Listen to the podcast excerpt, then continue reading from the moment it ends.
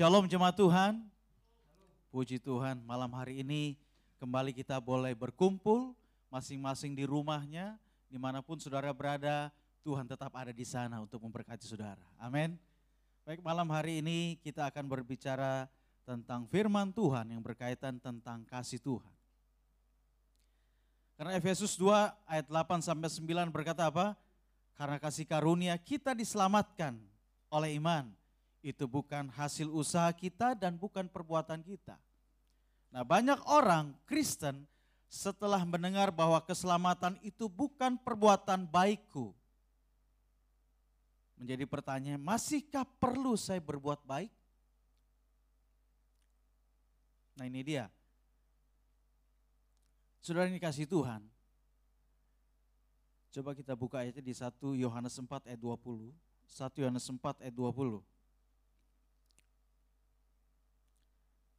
Dikatakan apa? Karena barang siapa tidak mengasihi saudaranya yang dilihatnya, tidak mungkin mengasihi Allah yang tidak dilihatnya. Dikatakan saya baca, jikalau seorang berkata, aku mengasihi Allah, dan ia membenci saudaranya, maka ia adalah pendusta. Karena barang siapa tidak mengasihi saudaranya yang dilihatnya, tidak mungkin mengasihi Allah yang tidak dilihatnya. Mari kita buka ayatnya dari Matius 5, saya mau kupas dari Matius pasal 5 ayat 14 sampai 16. Matius pasal 5 ayat 14 sampai 16. Demikian firman Tuhan. Kamu adalah terang dunia. Kota yang terletak di atas gunung tidak mungkin tersembunyi. Lagi pula orang tidak menyalakan pelita lalu meletakkannya di bawah gantang, melainkan di atas kaki dian sehingga menerangi semua orang di dalam rumah itu. Demikianlah hendaknya terangmu bercahaya di depan orang, supaya mereka melihat perbuatanmu yang baik dan memuliakan Bapamu yang di sorga. Puji Tuhan berbicara tentang hubungan dengan Tuhan, hubungan dengan Tuhan oleh anugerah Tuhan, hubungan vertikal kita dengan Tuhan itu sudah beres. Itu semua adalah kasih karunia Tuhan. Amin. Tetapi menjadi pertanyaan bagaimana hubungan horizontal kita dengan sesama. Nah ini menjadi pembelajaran buat kita malam hari ini. Hubungan horizontal dibuktikan bagaimana hubungan vertikal kita dengan Tuhan diawali dari uh, Matius pasal 5 ayat 14. Kamu adalah terang dunia. You are the light of the world. Dalam versi New King, King James Version. Kita adalah terang dunia. Artinya apa di sini? Di dalam Kristus kita tidak perlu berusaha dengan kekuatan kita untuk menjadi terang dunia. Dikatakan kamu adalah terang dunia, bukan kamu akan menjadi terang dunia. Maka selanjutnya apa? Ketika ada syaratnya. Ini tanpa syarat. Ketika kita percaya Yesus, menerima Yesus Kristus sebagai Tuhan dan Juru Selamat. Maka Tuhan memberikan kita identitas. Ada potensi. Apa itu potensi sebagaimana Yesus? Yesus katakan apa? Akulah terang dunia. Ketika percaya Yesus, maka potensi dan identitas itu Tuhan berikan kepada setiap kita. Kamu adalah terang dunia. Identitas kita adalah terang dunia. Amin. Amin saudara. Bilang sama kiri kananmu, kita adalah terang dunia. Amin. Kita adalah terang dunia. Kamu adalah terang dunia tanpa usaha, tetapi percaya. Hati percaya mulut mengaku Yesus Kristus adalah Tuhan. Maka kamu adalah terang dunia. Sebagaimana Yesus terang dunia, seperti itulah kita. Tuhan tidak menjadikan kita lilin-lilin kecil untuk menerangi kamar kecil, sehingga kita ke buang air kecil, kita tetap kecil. Enggak. Ini skopnya luas, kamu adalah terang dunia, skopnya apa? Terang, apa skopnya? Dunia, bukan kamar kecil. Kenapa? Karena Tuhan kita, Tuhan yang besar ada di dalam kita. Amin. Potensi kita besar. Sadari baik, kita berpengaruh buat dunia ini. Di tengah eh, situasi pandemik seperti ini, ingat baik, ada Tuhan di dalam kita. Dia adalah terang. Terang itu ada dalam kita dan kita adalah terang dunia. Jadi yang pertama, masih perlukah saya berbuat baik? Yes, perlu. Kenapa? Karena sesuai dengan identitas kita, bahwa kita adalah apa? Terang dunia. Kita adalah terang dunia. Sesuai dengan identitas. Nah perlu, kita adalah terang dunia sesuai identitas kita. Identitas itulah yang menghasilkan perbuatan. Bukan perbuatan yang membentuk identitasmu. Ketika perbuatan yang membentuk identitasmu, maka identitasmu palsu. Tetapi ketika kita menyadari siapa identitas kita dalam Tuhan, maka kita sadari bagaimana kita harus berbuat. Contohnya, Tuhan tuh menciptakan identitas, bukan perbuatan, bukan pekerjaan. Tuhan ciptakan contoh dalam uh, masa penciptaan. Tuhan ciptakan burung. Burung apa? Untuk terbang. Aktivitasnya itu terbang. Ikan aktivitasnya berenang di dalam air. Tuhan tidak menciptakan benda yang bisa terbang. Enggak, Tuhan ciptakan burung, identitasnya namanya burung, untuk terbang. Saya percaya Bapak Ibu di rumah saudara sekalian bisa paham seperti ini. Identitas kita adalah terang dunia. Untuk apa? Menerangi. Di ayat 16 dikatakan apa? Demikianlah hendaknya terangmu bercahaya di depan orang supaya apa? Mereka melihat apa? Perbuatanmu yang baik. Jadi terang itu sangat berkaitan erat dengan perbuatan baik. Identitas kita terang untuk apa? Aktivitasnya melakukan perbuatan baik. Mulai, mulai dari mana? Perbuatan baik melalui diri sendiri. Lakukan perbuatan baik untuk dirimu sendiri. Terutama di situasi seperti ini taati eh, program pemerintah. Apa namanya? Cuci tangan, pakai masker, jaga jarak, makan makanan yang bergizi, imunitas tumbuh uh, semakin kuat, uh, jemur uh, badan pada jam 10 sampai jam 12, 15 menit saja. Makan makanan yang bergizi. Itu kebaikan, perbuatan baik untuk diri sendiri. Amin. Ketika kita pakai masker, maka kita jadi berkat buat sesama kita. Supaya mereka juga tetap sehat, aman, tidak tercemar, tidak terinfeksi virus. Ini contoh-contoh hal kecil. Kamu adalah terang dunia. Jadi bagaimana perlukah saya berbuat baik? Penting. Harus kita berbuat baik. Kenapa? Sesuai dengan identitas kita. Kalau seorang penyanyi, tidak mungkin dia tidak bernyanyi. Pasti selalu bernyanyi. Regina Putirai, vokalis Geisha, seorang penyanyi. Setiap hari dia bernyanyi. Bukan sebaliknya, bukan dia petinju. Bertinju enggak, tidak mungkin. Identitasnya penyanyi pasti bernyanyi. Seorang petinju pasti bertinju. Sesuai dengan identitasnya. Kita adalah terang dunia. Amin saya adalah terang dunia. Saya siap menjadi berkat di mana pun Tuhan atau saya. Amin. Nah yang kedua, masih perlukah kita berbuat baik? Kalau kita lihat di kembali ke Matius pasal 5 ayat 16 di sini. Demikianlah hendaknya terangmu bercahaya di depan orang supaya apa? Mereka melihat perbuatanmu yang baik demikianlah hendaknya. Artinya apa? Kenapa kita perlu berbuat baik? Karena perbuatan baik merupakan apa? Kehendak Tuhan. Tuhan mau kita sama seperti dia, seperti dia. Dia adalah Tuhan yang baik. Apa saja yang dia lakukan pas yang terbaik. Maka Tuhan mau supaya kita juga melakukan yang perbuatan baik. Perbuatan baik. Jujur, perbuatan baik. Baik di kantor, tempat usaha kita, hormati atasan kita, hormati bawahan kita, hormati sesama uh, selehting kita di kantor, terutama di dalam rumah tangga. Mengasihi suami, mengasihi pasanganmu, istrimu, anak-anakmu, hormati dia sebagai pribadi yang Tuhan anugerahkan, Tuhan wariskan dalam kehidupanmu. Amin. Setiap orang punya kekurangan itu biasa. Tetapi bagaimana respon kita? Nah ini dia, banyak orang menerima kasih karunia. Wow Tuhan mengasihi saya, luar biasa. Dosa-dosaku diampuni. Tetapi berjumpa dengan sesamanya, dengan istrinya, atau dengan suaminya ketika berbuat salah. Waduh, hukum Taurat yang keluar dari mulutnya.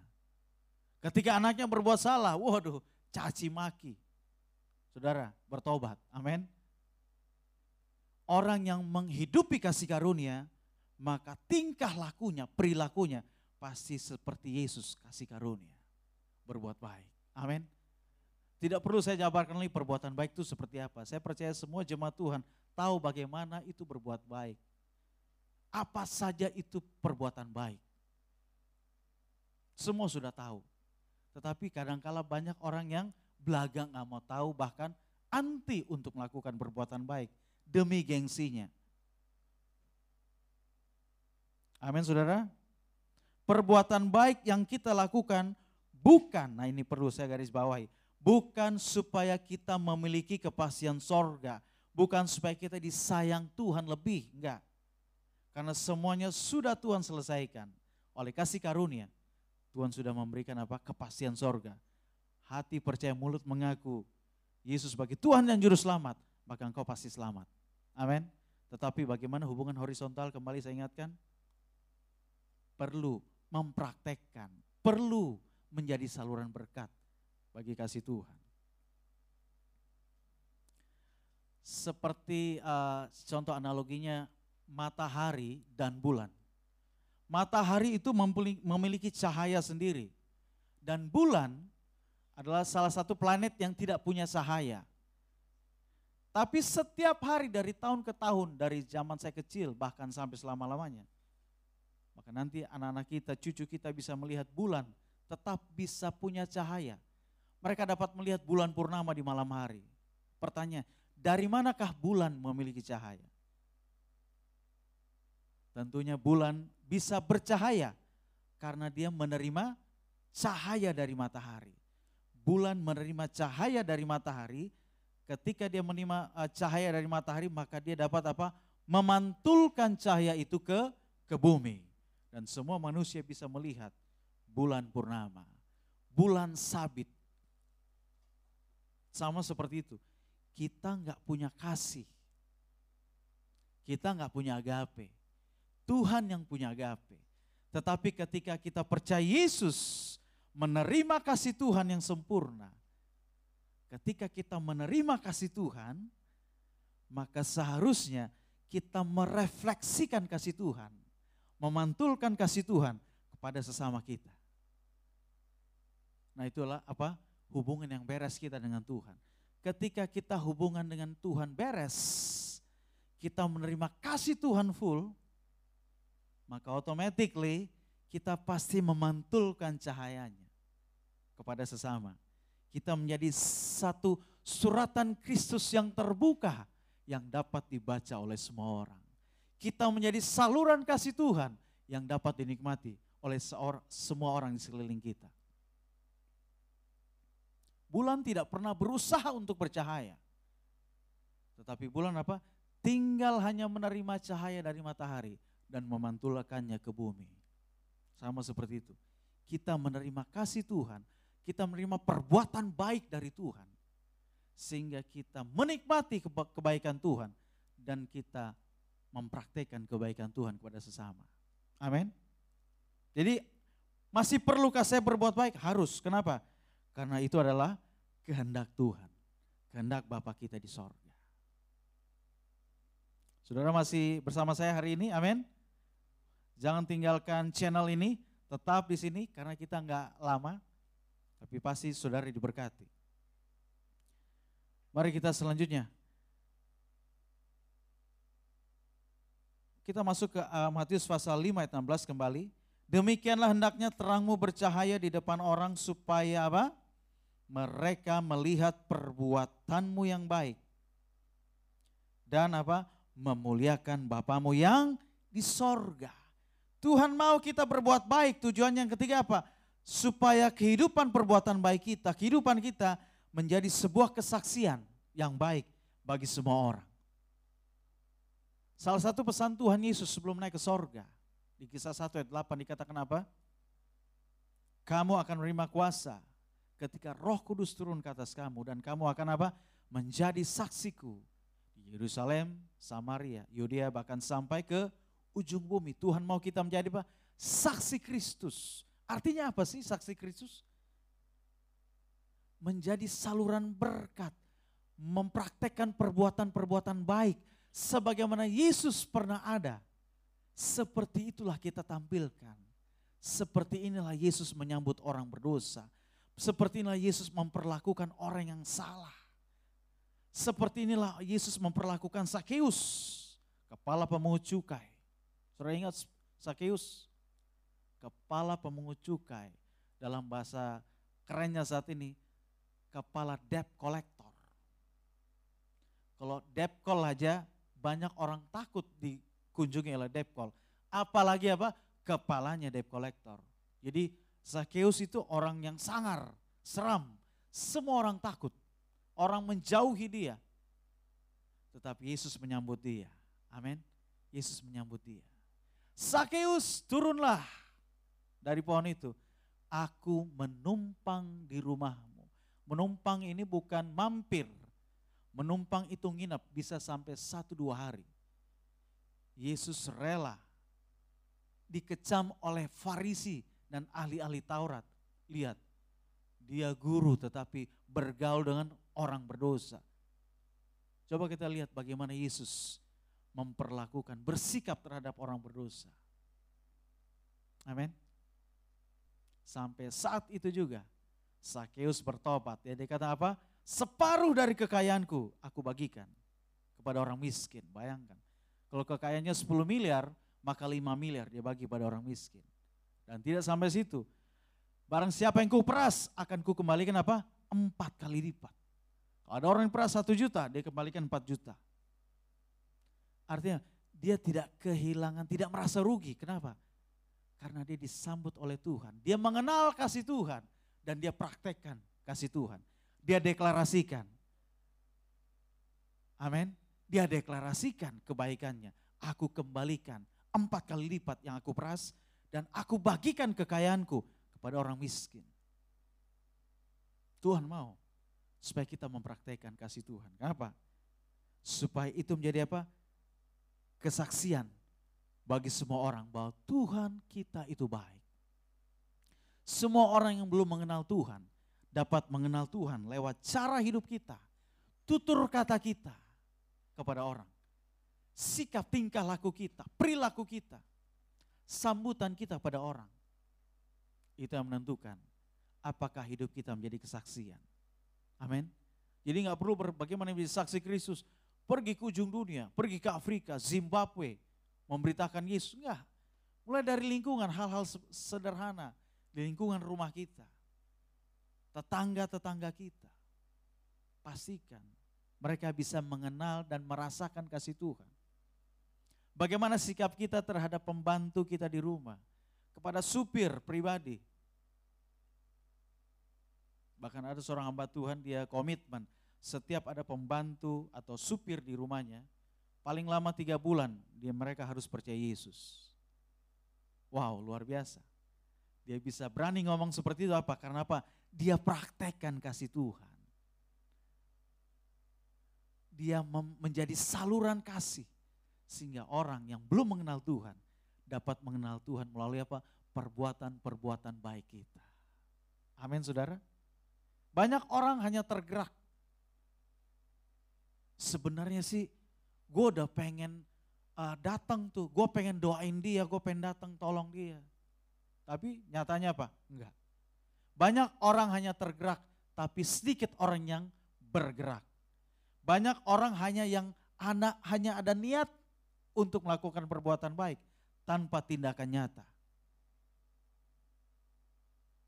Punya niat baik bagus, tetapi perlu apa? Ada tindakan nyata. Harus bergerak, bukan hanya tergerak. Uh kasihan nama dia nih. Tapi kasihan doang. Gak ada tindakan apa yang kita bisa buat supaya orang itu bisa merasakan kasih yang ada dalam hati kita. Kasih yang kita miliki. Itu kasih Tuhan. Amin. Petrus Ketika di kisah Rasul itu Petrus dan Yohanes saat masuk uh, jam 3 sore ke bait Allah, berjempu di pintu gerbang indah itu, ada seorang lumpuh, pengemis. Dia duduk, meminta-minta sedekah. Lalu Petrus katakan apa? Emas dan perak tidak ada padaku, tetapi apa yang ada padaku kuberikan kepadamu. Demi nama Yesus orang Nazaret, berjalanlah. Luar biasa. Ini perbuatan baik. Kenapa? Karena Petrus dalam sikap hidupnya, pikirannya, hatinya mau menyalurkan kasih Tuhan. Supaya semua orang bisa mengenal Tuhan. Amin. Ketika kita full, hati kita penuh dengan kasih Tuhan. Gue mau jadi berkat. Gue mau mempraktekkan perbuatan baik kepada orang. Supaya orang bisa mengenal kasih Tuhan. Mulai dari hal-hal sepele, hal sederhana. Lakukan perbuatan baik mulai dari buat diri sendiri, buat keluarga, buat teman, buat gereja di tempat ini. Amin. Buat gembala kita, Pastor George Putirai. Buat sesama jemaat di tempat ini. Secara khusus di situasi COVID-19 ini. Banyak orang kehilangan pekerjaan bahkan tidak sedikit yang di PHK. Amin.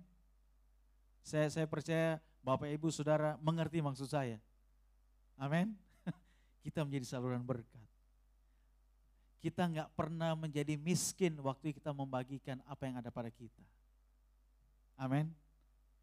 Kita menolong orang.